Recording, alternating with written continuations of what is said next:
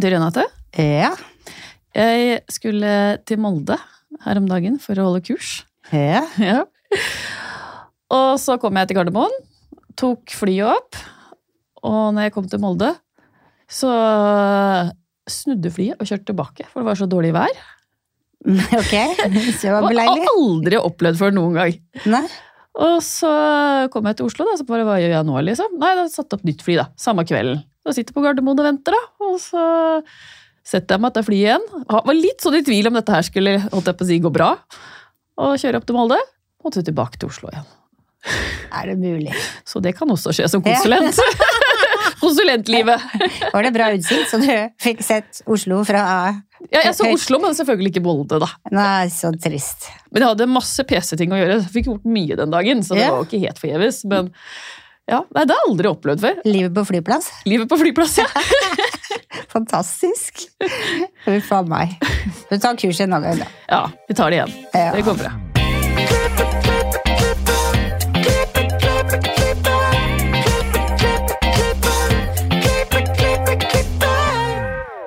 Velkommen til heter Renate. Jeg heter Ann-Marit. Ja, Marit, sånn bortsett fra at du flyr tur-retur to ganger på en dag. Ja, ikke sant? uh, nei, det er jo kurs da, som er litt altoppslukende dagen, for jeg skal lage et oppsettkurs. Så det holder jeg på med om dagen. Veldig, veldig gøy og veldig, veldig spennende. Jeg Mm. har jo alltid drømt om det, som du vet. Så, Ja, det har vært drømmen din. Det har du snakka mye om. ja, så det gleder jeg meg til. Så Da har jeg et tips til deg, da. ja, kom igjen! Ja, fordi at uh, du er jo såpass uh, smart, må jeg si akkurat der, at du har valgt meg til å sette opp håret ditt. Så jeg vil at du, nå er det så kort til bryllupet at du finner ut hva du skal ha, og så kan du sende meg sånn dømmevis fra start til slutt, sånn at jeg kan begynne å trene på hun Lisa som er hjemme i boden. Vet du hva, Jeg skal lage en reel til det, steg Ja. for steg. Veldig bra! For jeg må jo ha litt tid til å trene på meg, for kjenner jeg at det sitter i magen. Jeg er helt sikker på at du får til det veldig, veldig bra. Men hva med deg? Jo, jeg har akkurat eh, for en uke siden vært på en stor eh, release-sak for På håret. Så vi er på vei til å bytte litt navn og logo og alt. Bytte navn? Ja. Til hva da? Har du, har du sett den reelen min eh, fra GHD? Ja. Ja. Så du introen der? Det sto GHD og På håret studio. Å ja. Så ja! Det la jeg ikke merke til. Sorry. Ja, det skjer. Jeg skulle ønske jeg kunne bare sagt masse, for jeg trodde egentlig at jeg kunne det, men jeg kan egentlig ikke det. Men i hvert fall så blir det Det har klart å gjøre meg inspirert, i hvert fall, så jeg gleder meg skikkelig. Det blir et løft. Så Så det Det gleder jeg meg til å følge. Ja, Ja. det blir veldig proft. ja. Så bra. Ja, det er gøy når det skjer noe som du kjenner at du får lopper i blodet, som du bare Jeg vil bare begynne på det nå, men det er jo ikke lov. Ja. Ja, men Er det liksom på en måte en rebranding? Er det det vi kaller det? Ja, Ja. det er det. Ja. Du har holdt på med det i et år. Wow. Ja. Ja, dette gleder jeg meg til å høre mer om. Det er gøy. Yeah. Men det som er enda mer gøy, da, synes jeg, det er jo med at vi har med oss en gjest. Og dagens gjest hun er gründer av salongen Mood Studio i Oslo. Hun har nettbutikken Smooth og et eget extension-serie som heter Smooth Extensions. Og i tillegg har hun en superlekker Instagram-profil. Velkommen til oss, Ann Beate Løkenhagen. Tusen takk. Så hyggelig. Ja, det er spennende å være her. Ja, Høre min egen stemme på podkasten deres plutselig. ja. Kan ikke du fortelle litt om deg selv, og hvordan du begynte som frisør? Ja, eh, det eh, Altså, det høres ikke så romantisk ut, men det starta veldig tilfeldig, faktisk. Fordi eh, min bestevenninne, hun hadde nettopp begynt som lærling i Tønsberg. Og jeg var akkurat ferdig på noen psykologistudier som jeg syntes var skikkelig dritt. Så hun spurte om ikke jeg bare kunne begynne som lærling med henne, da. Eh, og så tenkte jeg at ja, det er kult å henge med henne, så why not? Så det var egentlig starten, da. Eh, men på en annen side så lå det jo litt i korta, fordi hele barndommen så satt jeg foran speilet hjemme og ordna meg og sminka meg og fiksa hår og alt mulig. Inspirert av Mag og Starlett og Topp og alt det der. Så. så det lå i korta, men jeg tenkte jo alltid at jeg skulle ha en ordentlig jobb, og ikke bare sånn frisørjobb, liksom. ja. Så, så, det var sånn det starta. Så starta jeg som lærling i Tønsberg. Hadde en helt fantastisk uh, sjef som uh, ja, lærte meg alt på godt og vondt. Både faglig og hvordan man skulle oppføre seg. Og ja, han, han var en fantastisk mentor.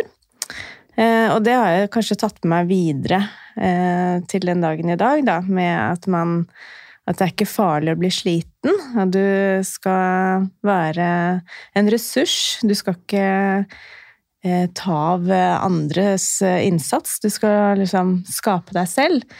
Um, og det, det, har jeg tatt med meg hele veien. Det kan at det lå litt latent fra før, men det er i hvert fall min hva heter det, Mentra, eller sånn. Ja.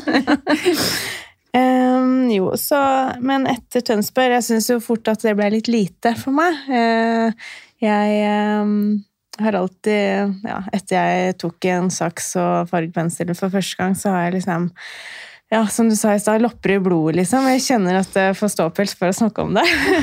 så bare det med liksom store visninger, og være en del av en uh, stor, pulserende bransje, var veldig uh, av drømmen min, da, å komme meg videre dit. Eh, og på den tiden så Jeg tok jo fagbrevet i 2005 eller noe sånt.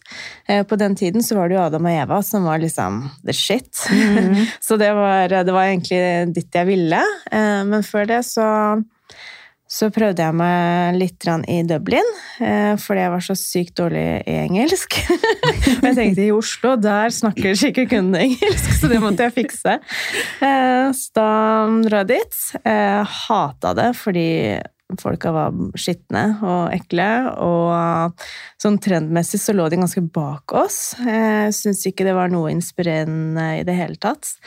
Eh, så begynte jeg derfor eh, rett i en eh, kjede som heter Here and There, som egentlig er størst på Sørlandet i Norge, kanskje.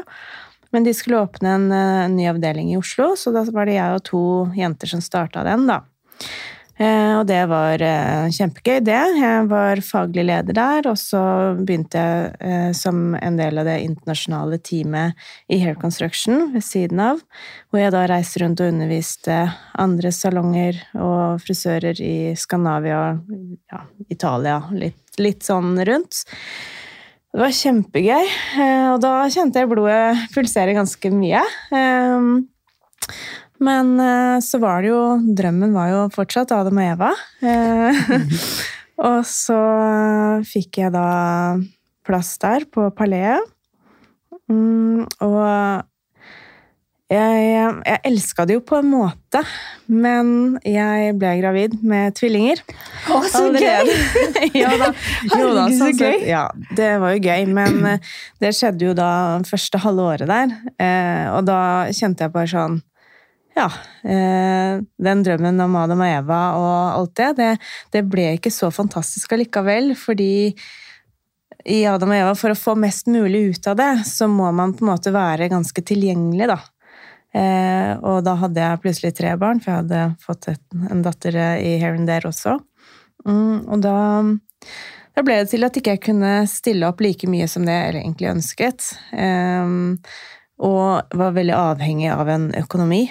Nei, så Adam og Eva, den, det er jo kjempefint for de som eh, vil opp og fram og oppleve veldig mye av det faglige.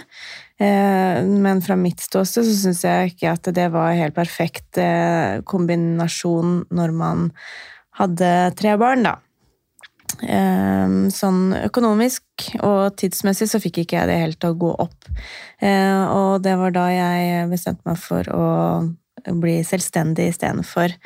Eh, det var da Henrik Seer var eh, litt sånn up and coming. Eh, de hadde tre salonger, og da kjente jeg at jeg tror det var mer riktig for meg akkurat da.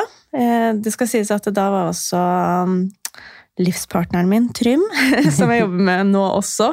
Han begynte jo som lærling i Here and There, og så begynte han på Henrikser, og så var det egentlig han som var min motivasjon til å gå over dit, da. Eh, så hadde vi det egentlig helt supert i eh, ja, et års tid.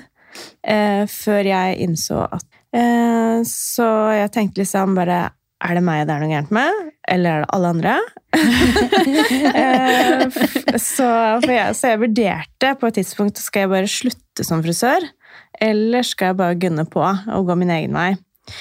Og jeg kjente liksom det er ingen salonger eh, som jeg egentlig har lyst til å jobbe på.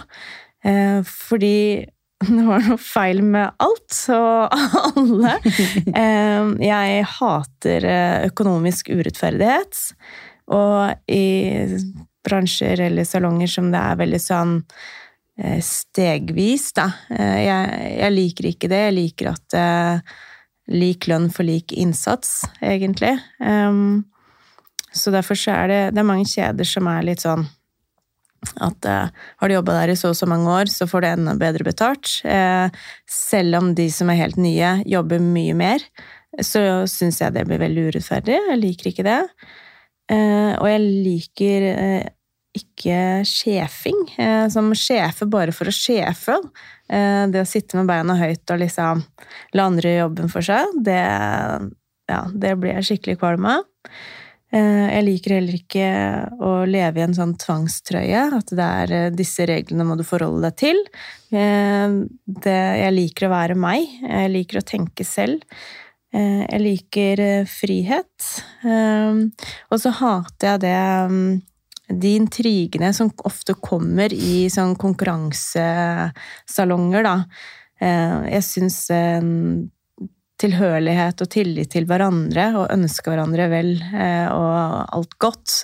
Eh, det er kanskje det som motiverer meg mest. Da. Så det å At man kan få lov til å være seg selv og ta ansvar for uh, egen jobb og kunder, liksom. Det, jeg tenker det er, det er, ikke så mye å forlange, men nei. det er veldig vanskelig å finne det. Så det gjorde i hvert fall at jeg bare Nei, jeg elsker jobben min og alt rundt så mye at eh, jeg må bare skape mitt eget, fordi jeg er så sær at jeg kan faktisk ikke jobbe for andre enn meg selv. ja. Det var et langt svar. ja. mm. Nå var jeg veldig nysgjerrig. Hva er konseptet til Mood Studio? Um, ja, det er jo altså, Det er ikke nødvendigvis et konsept, men jeg baserer liksom hele salongen er basert på tillit. Eh, både altså, meg og ansatte fram og tilbake, men også, også kunder fram og tilbake. Eh, at vi stoler på hverandre, vi ønsker det beste for hverandre eh, alle veier, og det skal vi vise. Så når en kunde kommer inn, så er det liksom den skal bare Å, oh, yes, her, her, føler jeg liksom at det, er ingen som prøver å kødde med huet mitt, eller ta for mye betalt fra meg som egentlig ikke er verdt det, sånne ting. Eh, og så er det mm, tilhørighet, eh, også veldig viktig for meg. At eh, alle skal føle at de, de, kan være den de er, både som kunder og som ansatte.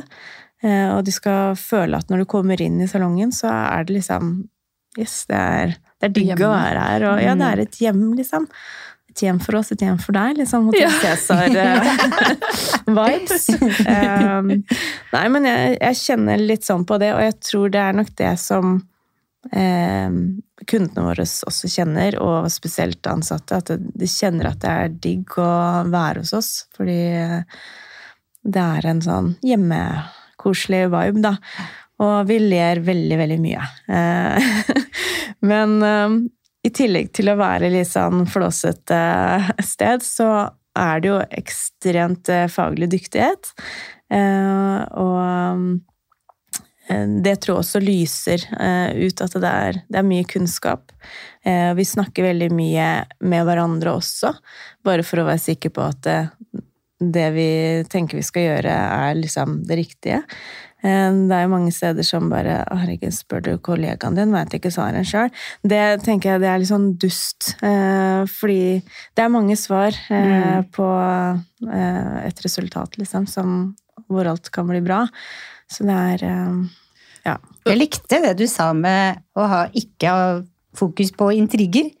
For det tar så mye, det blir jo så støy. Hvis ja. du kan få lov til å jobbe og ha det fint rundt deg, så tror jeg det er lettere å få høy faglig kompetanse òg. Jeg ja. tror ikke det jeg vet at det er det. Ja, det, det blir veldig fort intriger eh, hvis man lar de oppstå. Mm. Eh, så der er jeg vel ganske hard på at eh, man ikke skal blåse opp det.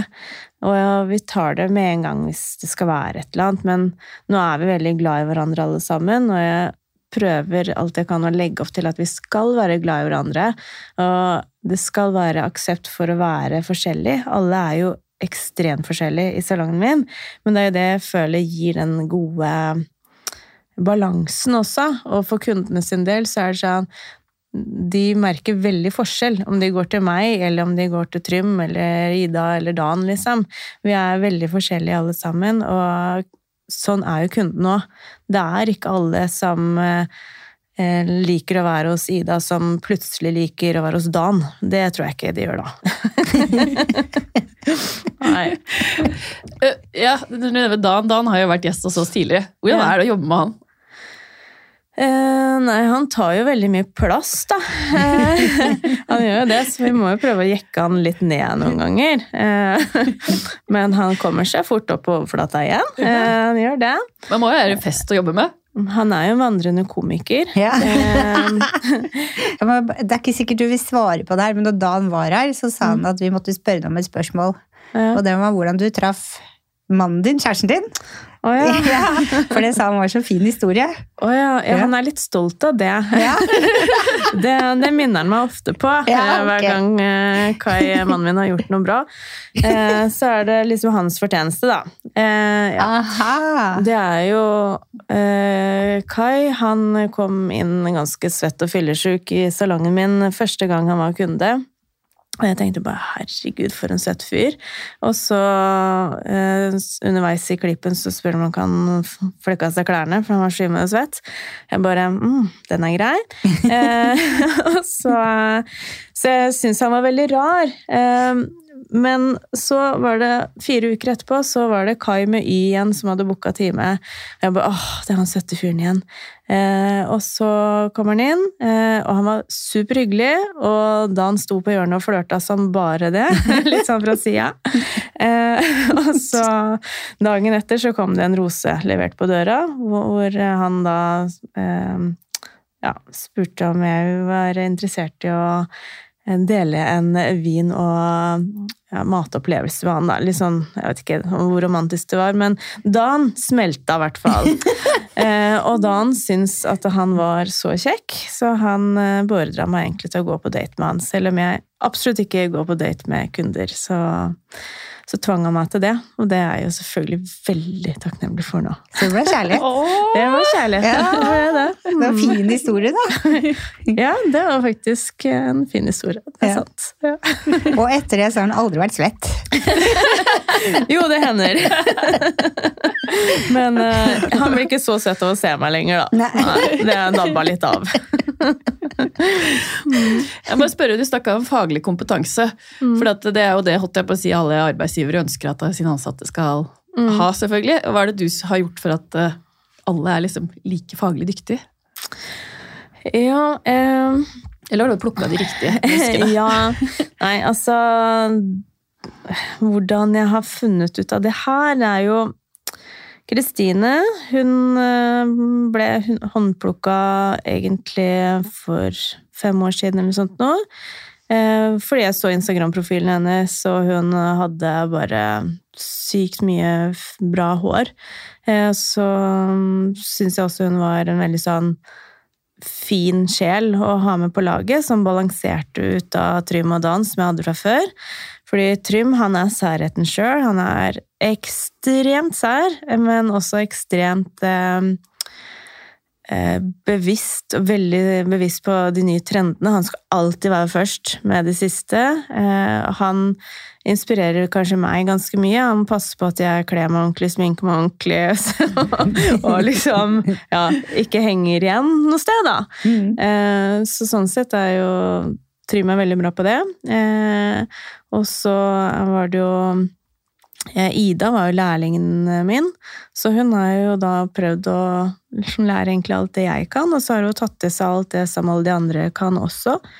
Um, og Så er det jo Amalie og Madeleine som eh, også er hos meg, som jeg egentlig plukka opp fra Instagram-profilen dem. Så stalka dem ganske greit eh, og syntes at de var, de var kule, morsomme jenter. Og det er egentlig veldig viktig for hele konseptet også, at eh, ja, du skal være faglig dyktig, selvfølgelig. Men du skal ha hele pakka med personligheten også, sånn at du balanserer og hever eh, følelsen av å komme inn til oss, da. Um, og det syns jeg treffer veldig bra på. Eh, men hvordan man på en måte utvikler oss videre, det er jo veldig mye gjennom eh, Insta og gjennom TikTok og sånn, at vi, vi følger veldig mye med. Vi deler veldig mye med hverandre i felles grupper for nye trender, nye teknikker, sånne ting. Og så prøver vi masse ut på hverandre. Eh, hvis vi trenger det, så har vi litt internkurs. Jeg eh, syns ofte at det å dra på et kurs er ikke like eh, bra eller inspirerende, for det er så tilfeldig hva man får, det er ikke spesifikt det man trenger. og så bruker man veldig mye tid på det.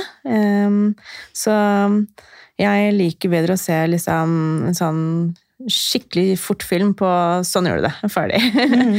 uh, og det lærer jeg mye mer, og det tror jeg de fleste lærer mer av. I hvert fall når du har hatt noen år i faget, da, så er det lettere å ta til seg ny kunnskap på den måten. For det skal litt til å sette av tre timer på en kveld for å sitte og se på noen som pensler eller klipper, liksom. Mm. Um, ja. Så um da er det ikke noe i det å reise til Vidal Vidalsasund og se én klipp og én farge på åtte timer. Å oh, gud, nei. Det, det, gidder vi rett og slett ikke. Men vi hadde sikkert vært der og kosa oss skikkelig mye i baren. Ja, ja. Det, sånne ting er stas. Vi, da blir det liksom totalopplevelsen som ja, blir greia? Ja, totalopplevelsen på en sånn reise er jo kjempebra. Så vi har jo ja, vi får mye mer glede av å dra på visninger, da. Mm. Det syns jeg er gøy, for da kjenner du litt sånn på puls og liksom, Da kribler det litt, da, og da får man inspirasjon. Eh, og det å finne ut av hvordan de lager den fargen eller klippen på, det vil jeg helst se i løpet av et par minutter. Mm. Mm. Tror du det kan være for at vi frisører jobber så mye til tid på klokka? At vi, liksom, vi har ikke tid til å liksom sette oss ned og bruke som du sier, tre timer og slappe av og, og få det inn. Det må skje fort. Ja, det kan nok være det. Og så er det nok også hvordan uh, verden er blitt. At uh, med så mye sosiale medier, så det er ingenting du kan se på TikTok som tar tre timer. Nei. Ingen hadde giddet det. Så Nei. man har ikke den uh, tålmodigheten til å sitte og se på det, egentlig. For det er ingenting, syns jeg, som irriterer mer på TikTok enn å ja begynne å se på det, og så varer, var det fem minutter ja, før du kommer til poenget, og så syns jeg poenget er teit. da blir jeg skikkelig irritert. Det er fryktelig waste. Ja. Mm. ja. men så er det waste med tid. Eh, da blir jeg bare irritert. Jeg har mm. så mye annet å bruke tiden min på, så jeg tror egentlig det er litt der det ligger. Mm. mm. Du har en nettside, mm. Smooth. Mm. Kan du fortelle om den? Ja, det, det, begynte jeg egentlig å tenke på under eh, korona, da. Fordi eh, det var så mange kunder som sendte melding på Insta og spurte om jeg kunne sende produkter i posten. Eh, og så gjorde jeg jo det. Men det, tok, det ble veldig sånn kronglete, fordi det å kommunisere fram og tilbake liksom den eller den, og så ta bilde av den, og hit og dit, og så skal du vippse hit og sende en faktura der Så var det sånn åh, Hvis jeg bare hadde hatt en nettbutikk Og da tenkte jeg hm, ja, men det, da fikser vi det. Så da, derfor så lagde jeg jo nettbutikken. Um, uh, men en annen grunn til det også er jo fordi at jeg elsker hair extensions. Det er liksom det beste jeg vet. Eh, og min nye drøm framover nå er jo å jobbe mye mer med det. Det å undervise norske frisører i hair extensions.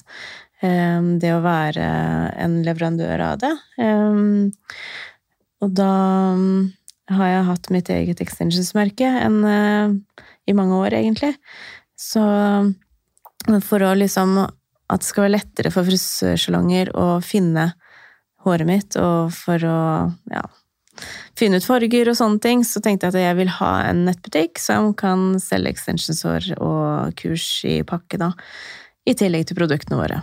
Mm. Hvor, er det du, hvor er det håret ditt kommer fra?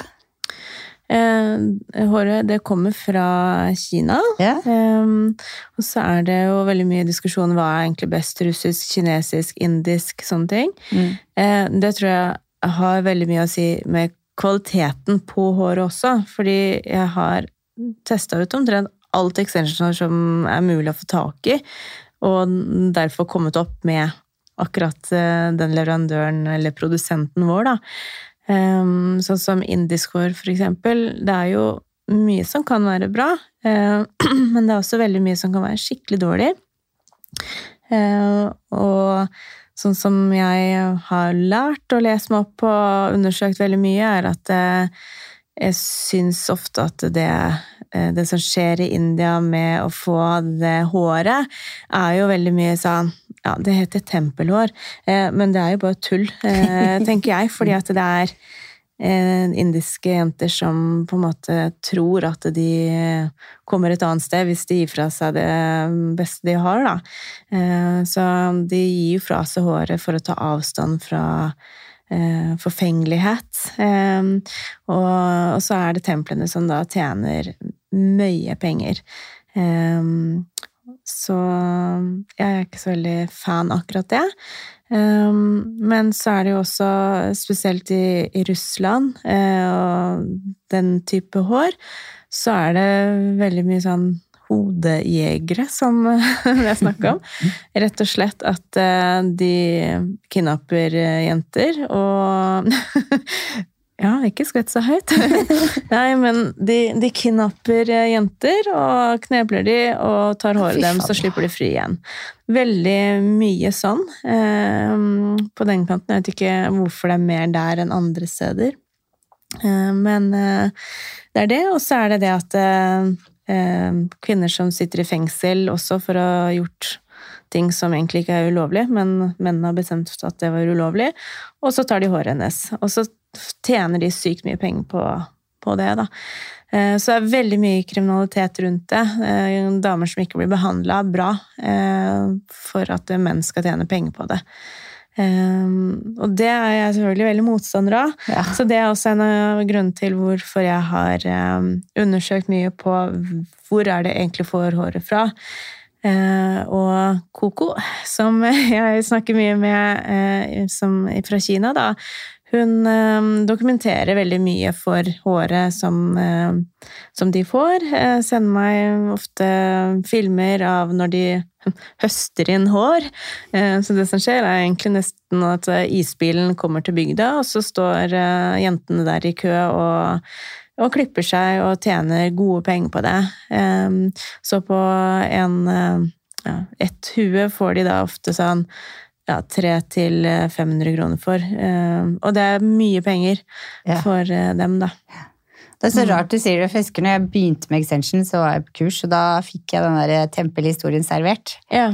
Og det syns jeg var oh, wow, kjempefint, liksom. Mm, ja, de ja. fikk penger og mat og kunne reise hjem til landsbyen, og det mm, var mm, høyere makter. Og så ja. drev vi og tulla med at det kanskje var småjenter som ble kidnappa.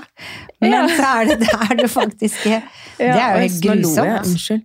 Ja, det er faktisk ganske grusomt. Eh, det er, eh, det er mange barn som eh, på barnehjem og sånt nå, som også bare Akkurat som de ikke har det ille nok fra før?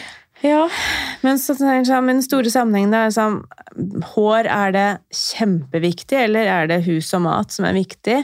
Mm. Men allikevel så er det jo ikke riktig å stjele hår til, til, barn og kvinner eh, som eh, For å tjene penger på det selv, da. Å, fantastisk research du har gjort for å komme fram til det du har gjort. Da. Mm. Ja, jeg må jo på en måte stå litt for det selv, da. Mm. Eh, jeg jeg er veldig for, igjen, tillit, som vi snakket om i sted. Da. Det skal være tillit til alle veier. Og jeg vil være veldig gjennomsiktig på alt jeg gjør, alt vi gjør. Jeg har ikke lyst til å eh, lure noen. Jeg hater å bli lurt selv. Jeg blir ordentlig forbanna hvis noen prøver å lure meg. Så det må jo da selvfølgelig alt jeg kan unngå å prøve å lure andre, liksom. Mm. Mm. Hva Er det da teip, eller er det keratin, eller er det begge Ja, deler? jeg er mest eh, fornøyd med teip, Ja. egentlig. Eh, jeg begynte jo Nå høres jeg jo haugammal ut, men jeg begynte med keratin for 20 år siden. Og det eh, Det var bra da, for det fantes ikke så veldig mye annet. Em, jeg husker første gang jeg satt på keratin, jeg hadde ikke lært det eller noe sånt nå, men eh, de keratinfestene de bare smørte jeg på, så det var sånn to centimeter lange og tjukke fester. Så vi fikk sånn der eh, ja, det var- Pasta. Ja, Pennepasta? ja, ja, det var pastapenne. Det var ikke akkurat riskorn, for å si det sånn. Eh, På min beste venninne, som jeg da var lærling med. Så det var dritfint. Hun var, hun var kjempefornøyd, sånn som eh, Christina Anglera var helt tipp topp. Nei da. Men eh, bortsett fra det, festene har jo Jeg har jo forbedra meg litt på det, kan du si, men allikevel så er jeg kanskje mer glad i teipfestene. Og det er jo litt fordi at de kan du bruke om igjen flere ganger. Eh, og jeg føler at det ikke er slitasje på samme måte som keratinfester, da, når du skal ta det av og sånn. Ja, og så ser det mer naturlig ut. Det blir ikke like spagetti-remser i håret. Eh, Det tar mye kortere tid å sette det på og ta det av. Så sånn sett så er det tidsbesparende for kunde og, og oss, og billigere og lettere å da også jobbe med det og selge det. Så derfor er det teipfester vi har. Eh, og extension har blitt ganske populære, så vi har nå også utvikla clips. Så um, vi har i nettbutikken for salg, da. Så Type er akkurat nå er ikke for salg i nettbutikken. Jeg må bare ha litt større varelager på det, så jeg er sikker på at jeg har nok til alle. Hvis han plutselig så skulle ha det. Nei da. Men jeg har i hvert fall klips, da. Det har vi foreløpig i ekstremt god kvalitet eh, til kunder. Um, ja, men eh, også en annen grunn til hvorfor jeg valgte og Er det bare jeg som snakker nå? ja. Men en grunn til at jeg valgte eh, å begynne med egne hair extensions, det er jo fordi jeg har da testet ut alt som er. Eh, det er mye som er bra, og enda mer som er dårlig. Mm, og så er det sånn eh, Jeg ville gjerne ha det på min måte, fordi jeg er jo så sær at eh, det, var, det er liksom bare Noen fester syns jeg har for mye hår på, så det blir sånne lapper i håret. Andre har for lite hår, sånn at man må ha 100 av de. Eh, Noen av festene er enten for breie eller for tynne, eh, eller for stive. Så bare det, så er det et eh, hav av velge mellom bare å feste, liksom. Eh, og så er det jo da selve håret, hvordan kvalitet det skal ha. Eh, så selv om jeg har gått for kinesisk kvalitet, det kan jo hende at jeg endrer på det en gang. Eh, men jeg er veldig, veldig fornøyd med det nå. Eh, og da er det liksom top notch av det kinesiske. Så mye kinesisk hår er, er jo omtalt for å nei, det er veldig stivt, så det, det er jo ikke noe digg for norske folk. Men eh, Eller de med nordisk utseende, unnskyld. Eh, men eh, allikevel så er det bare de fineste, mykeste kvaliteten da, i det kinesiske håret. Eh, og det er eh, ja, ekstremt lang holdbarhet på det. det. Så selve kvaliteten på håret er perfekt, mengden er perfekt, og festet er perfekt. Ja. Er det sånn også at det kinesiske håret det er jo sterkere enn det nordiske, sånn at når det blir blekende og farga opp, så får du bedre kvalitet på det Enn enn om du har fått et fra et mer nærliggende land. For jeg syns ofte Ja. når de kommer, så får du tørre Ja, ja. Altså 20 siste centimeterne er tørre, og så sier alltid leverandøren at det er fordi det har ligget for kaldt på lager, eller for varmt oh, på lager, eller oh. Men så er det kanskje bare rett og slett at håret ikke har tålt ja.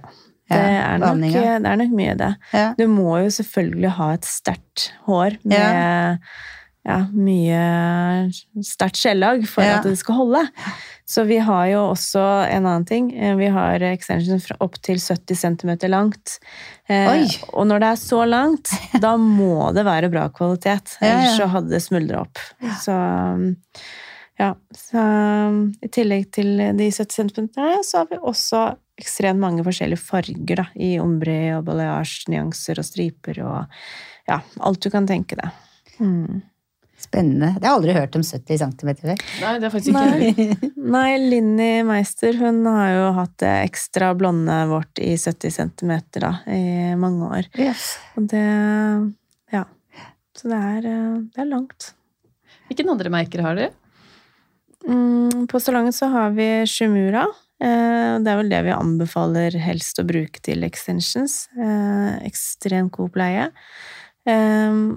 Eh, jeg holder på å lage egne smooth-produkter som skal eh, funke til, eh, til extensionene, men eh, jeg har ikke lyst til å lage noe som eh, man like gjerne kunne kjøpt sju mura, hvis du skjønner, så det må toppe det. Em, men eh, før den tid kommer, så er jeg veldig fornøyd med sju mura. Og så har vi Miriam Coedo, som er spansk. Og så har vi Noir, som er eh, svensk. Eh, og så har vi jo Olaplex, som er amerikansk. Eh, og så har vi Nøbru, som er også svensk. Når du lager et produktmerke, jeg er litt nysgjerrig, hvordan er det du går fram da? Ja, det var det. Eh, det er jo eh, Jeg har en kjemiker som jeg um, snakker sammen med, eh, som jeg har da ja, Nå kan ikke jeg gi alle hemmelighetene. Altså, alle Men som- han kjemikeren, hvor fant du han den? Var det gule sider, eller? Vet du hva, du skal få nummeret her. Ja. Eh, nei da, men jeg har en kjemiker som jeg eh, snakker med, og forteller liksom hvordan jeg vil at eh, produktet skal oppføre seg. Eh, og så kan jeg referere til eksempel eh, Shumura Silk Bloom eller sånn. Elsker denne fordi den gjør sånn og sånn. Eh, og så kan jeg referere til et annet merke. Denne liker jeg ikke, for den blir sånn og sånn. Eh, og han tenker ikke nødvendigvis Anna sa at det var en han, men ja. 50 igjen muligheter. eh, nei, men jeg eh, eh, Han vet jo ikke helt liksom hvordan eh, produkt en frisør ser etter, men han klarer å lese det kjemiske i det. Eh, så da klarer han å finne en liksom, løsning for, meg på den måten, da.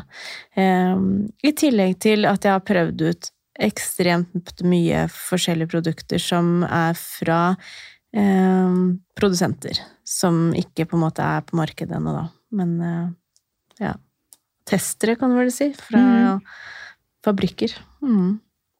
Spennende. Ja, det er gøy. Du har mange baller i lufta. Ja, eh, nå føler jeg at det ikke er så mange, eh, for jeg hadde jo veldig mange før, og da holdt jo Kai på å gå fra meg. Men det var Da hadde jeg jo Asker-avdelingen også, for da hadde jeg Mood Asker, og så jobbet jeg også som instruktør på treningssenter, og så jobbet jeg også som eh, en stylist for GHD. Ja, så det er kanskje greit å roe ned litt, da. Ja. Bare holde meg til Velge de viktigste ballene. Ja, Ja. i grunnen. Mhm, er det. Ja, det er en kunst, det òg. Ja, eh, det var eh, det, Man ser det ikke helt når man sitter i det, at man har litt mange baller, men til slutt, når du kjenner at eh, armer og bein blir rivd fra deg, og alle menneskene i hele verden er kjempeirriterende, da burde man kanskje ringe en bjelle at, eh, at man har litt mye. Er det da du tenker er det meg eller alle andre? Ja. ja, stort sett alle andre, men Ja. litt selvinnsikt så har jeg fått. Ja, har du liksom hatt en periode som du har tenkt at nå må jeg rydde opp i kalenderen min, nå må jeg velge? Ja, eh, da kjente jeg jo på det at eh, jeg hadde ikke spesielt bra, egentlig, på det tidspunktet, uten at jeg hadde tid til å tenke over det, egentlig. Men jeg kjente at jeg ikke hadde det bra. Eh, og veldig mye av grunnen til det eh, er jo Hadde liksom Askesalongen gått kjempefint eh, og ikke trengt så mye effort fra meg, så hadde det gått bra, men eh, det var ekstremt vanskelig å finne bra nok folk da, i Asker. No offence til Asker-folket, men eh, de frisørene som var der, de hadde jo en veldig bra jobb som de trivdes godt med, og Asker-folk er ikke like eh, eventyrlystne, kanskje, som Oslo-frisører. Eh, og klientellet er jo også helt annerledes enn hva jeg egentlig ønsker å jobbe med.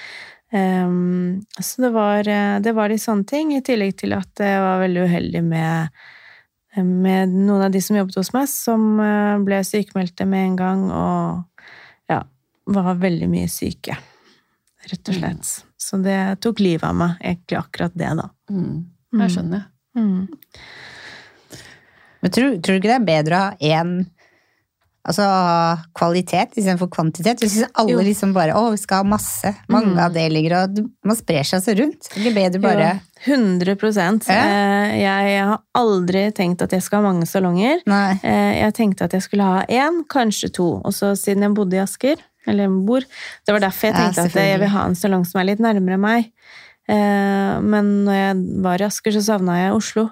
Og når jeg var i Oslo, så trengte Aske meg. Så jeg følte liksom at det der ble revet i to. Og i tillegg så hjemme så fikk jeg aldri vært nok hjemme for barn og mann. Og så var det jo den treningen og den stylist i tillegg. Så jeg var sånn, nei.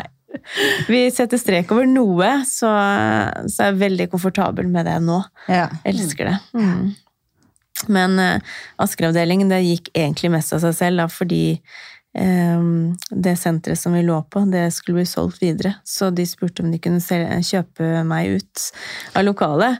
Så jeg bare Ok, da. Det er greit. Det er perfekt timing. Ja, det var en var mening med det. Ja, det var egentlig det. Så akkurat der hadde jeg litt flaks. Men eh, det kan hende jeg hadde fortsatt hatt den salongen i dag hvis ikke det hadde skjedd. Ja. Eh, ja, hatt salongen, men ikke Kai. Hva tror du skal til for å rekruttere flere inn i bransjen?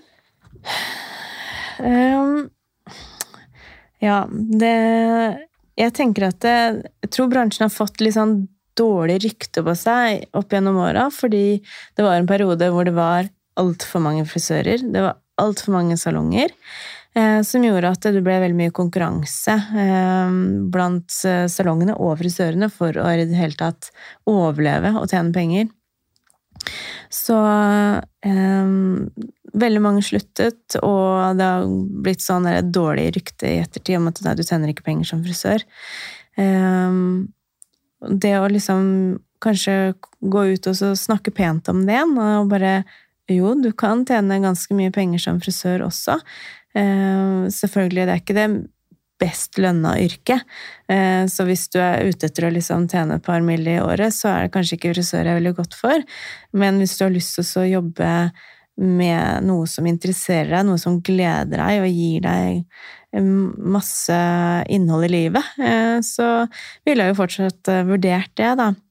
Det kunne vært en idé også kanskje fått noen til å gått på ungdomsskoler og snakket om det. Eh, Og reklamert for det på en litt annen måte. Eh, Jeg vet ikke helt hva slags midler man har til å gjøre sånne ting. Eh, Det, det har jeg aldri tenkt på, egentlig. At selvfølgelig, det var veldig mange frisører når jeg starta Jeg tror vi er like gamle. Når vi starta vår karriere. Mm. Og da blir det selvfølgelig mindre på. Jeg, jeg har bare ikke tenkt Ja. på det før på den måten. Nei. Jeg er rar som tenk, ikke har tenkt på det. Ja, litt rar. Ja, litt. Ja. Jeg har i hvert fall sett en ekstrem endring, da, eh, etter eh, Ja, kanskje de siste ti årene. Så har det jo blomstra igjen, fordi det er, det er så mange færre frisører. Eh, og det kan man jo også se endringen på hvor mange søknader man fikk inn. liksom at folk hadde lyst til å jobbe hos oss. Mens nå så er det jo vi som aktivt må gå ut for å hente. Jeg syns det er litt sånn, litt sånn dårlig greie, egentlig, at det blir sånn. Eh, Men samtidig så forstår jeg at det, at det blir sånn, da. Men jeg syns jo ikke det er noe kult når eh, liksom salonger som jeg ser på som kollegiale, og vi ønsker hverandre godt, plutselig eh, tar tak i mine beste frisører, som egentlig alle sammen, og spør om de er keen på å jobbe hos dem. Mm. Jeg syns ikke det er noe ålreit, men eh, heldigvis så vil de fortsatt være hos meg, da. Og tilliten er der fortsatt, så de sier til meg at du, jeg skal på intervju på den salongen, ja, bare så du vet det. Så jeg bare ja, få med deg noe juicy eh, hjem igjen, da. Nei da. Men eh, de må gjerne gå og utforske hva som finnes der ute. Og når de da velger å komme tilbake til meg, så forstår jeg at jeg også gjør noe riktig, da. At de har det bra Mm. i salongen vår. Mhm. Det skjønner jeg faktisk eh, veldig godt. For jeg ser på Instagram deres og TikTok og hos de som jobber hos deg, så ser det ut som dere har det skikkelig gøy. Mm. Ja, vi, vi har det veldig, veldig gøy. Um, og i tillegg så er det liksom noe med den uh, friheten som jeg føler at uh, vi har ekstremt mye av. Ehm, og det tok jeg jo med meg fra da jeg var selvstendig, det å kjenne på frihet. da. Hvor deilig det var å ikke ha noen som bosser rundt meg. Ehm, så selv om alle er ansatte hos oss nå, eh, så eh, har de like mye frihet. Så det blir kanskje en kombinasjon med å føle at man er selvstendig, men man har tryggheten eh, som er ved å være ansatt. da. Mm. For det kjente jeg også på, at det er jo ikke trygt å være selvstendig. Eh, sånn Nei. Nei. På hvilken måte gir du dem frihet? De velger jo sin egen arbeidstid sånn egentlig. Man har jo en, eh, en viss plan å gå etter, sånn at plutselig ikke alle er borte. Men eh, sånn som jeg sier at det, jeg forstår jo at eh, noen ganger så er man eh, sliten, man har en drittdag, eller man skal til tannlegen, eller whatever. Ehm, så da er det helt greit for meg at eh, dere sier fra til kundene deres at eh, vet du hva, eh, vi må flytte på timen din fordi et eller annet. Så er det mye bedre for meg enn at de Du, jeg er sjuk i dag, jeg. Og yeah. så må jeg betale for at de er borte. Da blir jeg forbanna. Det gidder jeg ikke. Mm. og jeg vet at sånn foregår det veldig mye. I veldig mange bransjer så er det mange som tar fake sykemeldinger. Um, så det finner jeg meg ikke i. Der er jeg kjempestreng. Eh, men igjen, eh, kjempe Kjempegrei for å gi fri hvis de vil ha fri, for det, det trenger man i den bransjen vår. Det er tungt arbeid, og man blir ødelagt i hodet noen ganger. Og har man eh, kunder som er ekstremt krevende, så, ja, så er det noen ganger at man bare må ha litt space, rett og slett. Mm. Så sånn sett så gir jeg de friheten til å velge egne arbeidstider og eh, jobbe på den måten de vil. Eh, så lenge de kler seg bra, eh, pynter seg litt når de kommer på jobb. Eh, de må representere salongen på en god måte, både når de er i salongen og når de liksom er ferdig på jobb. Eh, fordi de blir et kjent ansikt for mange uansett. Eh, ja. Så litt eh, forventninger har jeg jo, men eh, alt i alt så tror jeg det er greit. Vi har noen faste spørsmål til deg òg. Ja. Har du noen tips til frisører som vil opp og fram? Ja det, det er eh, Noe av det viktigste, tenker jeg, er å ikke ha et mindset på hva andre kan gjøre for deg, men hva er det du kan gjøre for andre? Eh, være mot andre som du vil at andre skal være mot deg, rett og slett. Eh, du skal være ydmyk eh, og eh, ha respekt for andre. Eh, du må vise at du vil. Eh, Du skal ikke være redd for å være sliten. Det er helt normalt å bli sliten innimellom. Eh, Og det er, eh, det er kvelder, og det er lørdager. Det er veldig mye du må jobbe med i starten, i hvert fall. Eh, Du, du kan ikke liksom velge at nei, vi jobber fra ni til tre, tenker jeg. Det er supert. Og så tenke at du skal tjene ja, mye på det. Det funker ikke på den måten. Eh, Det hadde selvfølgelig vært helt topp, det, men det er ikke sånn vår bransje er. Så det å være innstilt på det før man begynner, at det, mm, det er en eh, jobb du eh, ikke bare skal leve av, men leve med. Eh, Så bare vise engasjement og interesse og ja. eh, Det å være en eh, ressurs og skape egne penger, det syns jeg er kjempeviktig. Du må ha en SoMe-kanal som eh, du holder oppdatert hele tiden. Legg ut bare det som er bra. Eh, der er det kvalitet som gjelder, og ikke kvantitet. Så dårlig filma, dårlig blurry bilde som ikke det er liksom wow-faktor på, det driter i å legge det ut, egentlig. Um, ja. Og så er det viktig å tenke på at det er ingen jobber som bare er gøy. Det skal være drittdager også. Det er det, derfor det plutselig blir dritgøy, fordi du har hatt en skikkelig drittdag før. Mm. Hva inspirerer deg? Mm. Det er vel stort sett uh, sosiale medier å se andre sine uh, arbeid, egentlig. Det syns jeg er inspirerende. Men jeg kan også bli inspirert til å se folk på bussen og toget når man bare sitter og glaner på folk. Uh, og så, så er det selvfølgelig det jeg jobber med, som har ekstremt mye tanker og kunnskap og kreativitet. Mm. Hvis du kunne forandre på noe i frisørbransjen, hva skulle det ha vært? uh, ja, jeg vet ikke om det er nødvendigvis bare frisørbransjen, men jeg kjenner jo ofte på at det, jobben vår det er sånn Vi kan ikke ta altfor mye betalt fra en, eh, en, kunde.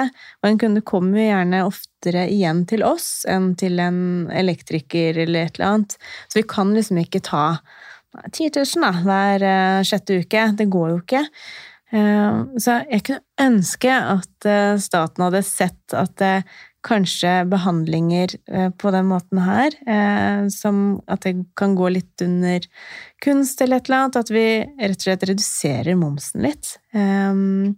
fordi da hadde det vært litt mer igjen for oss frisører, og da hadde vi levd litt lenger i bransjen også. Fordi vi jobber jo oss halvt i hjel eh, for å tjene en gjennomsnittslønn, sånn egentlig.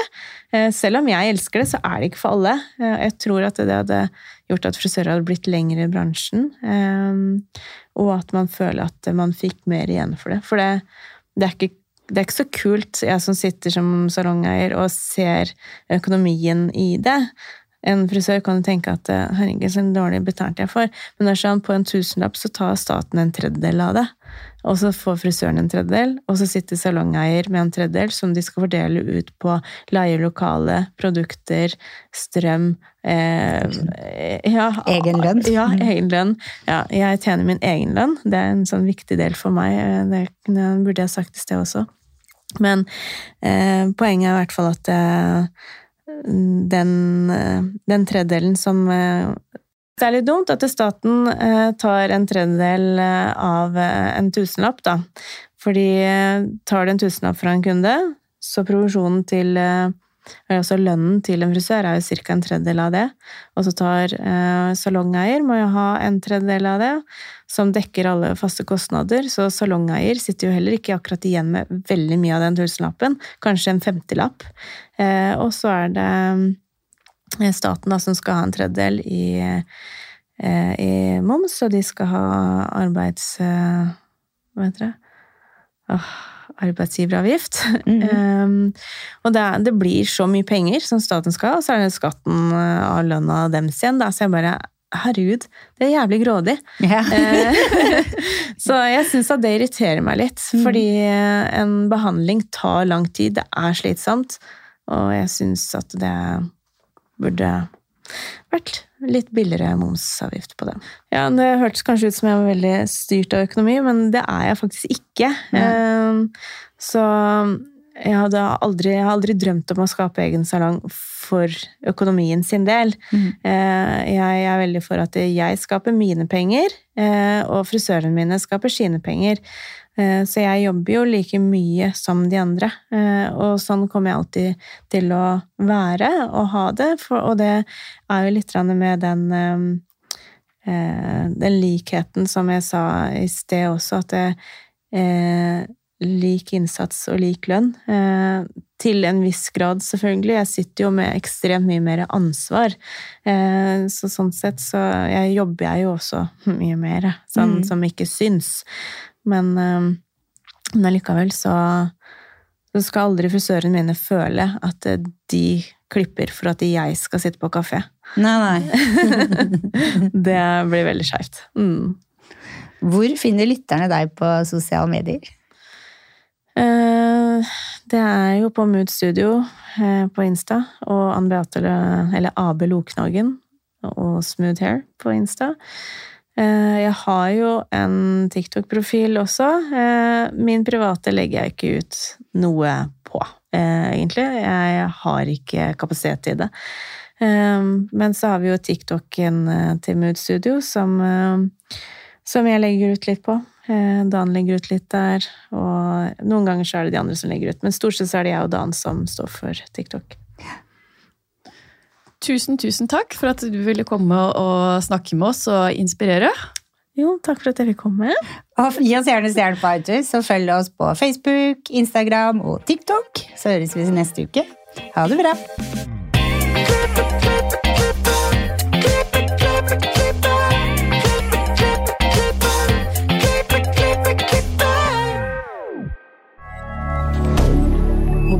Media. Har du et enkeltpersonforetak eller en liten bedrift? Da er du sikkert lei av å høre meg snakke om hvor enkelt det er med kvitteringer og bilag i fiken, så vi eh, gir oss her, vi. Fordi vi liker enkelt. Fiken superenkelt regnskap.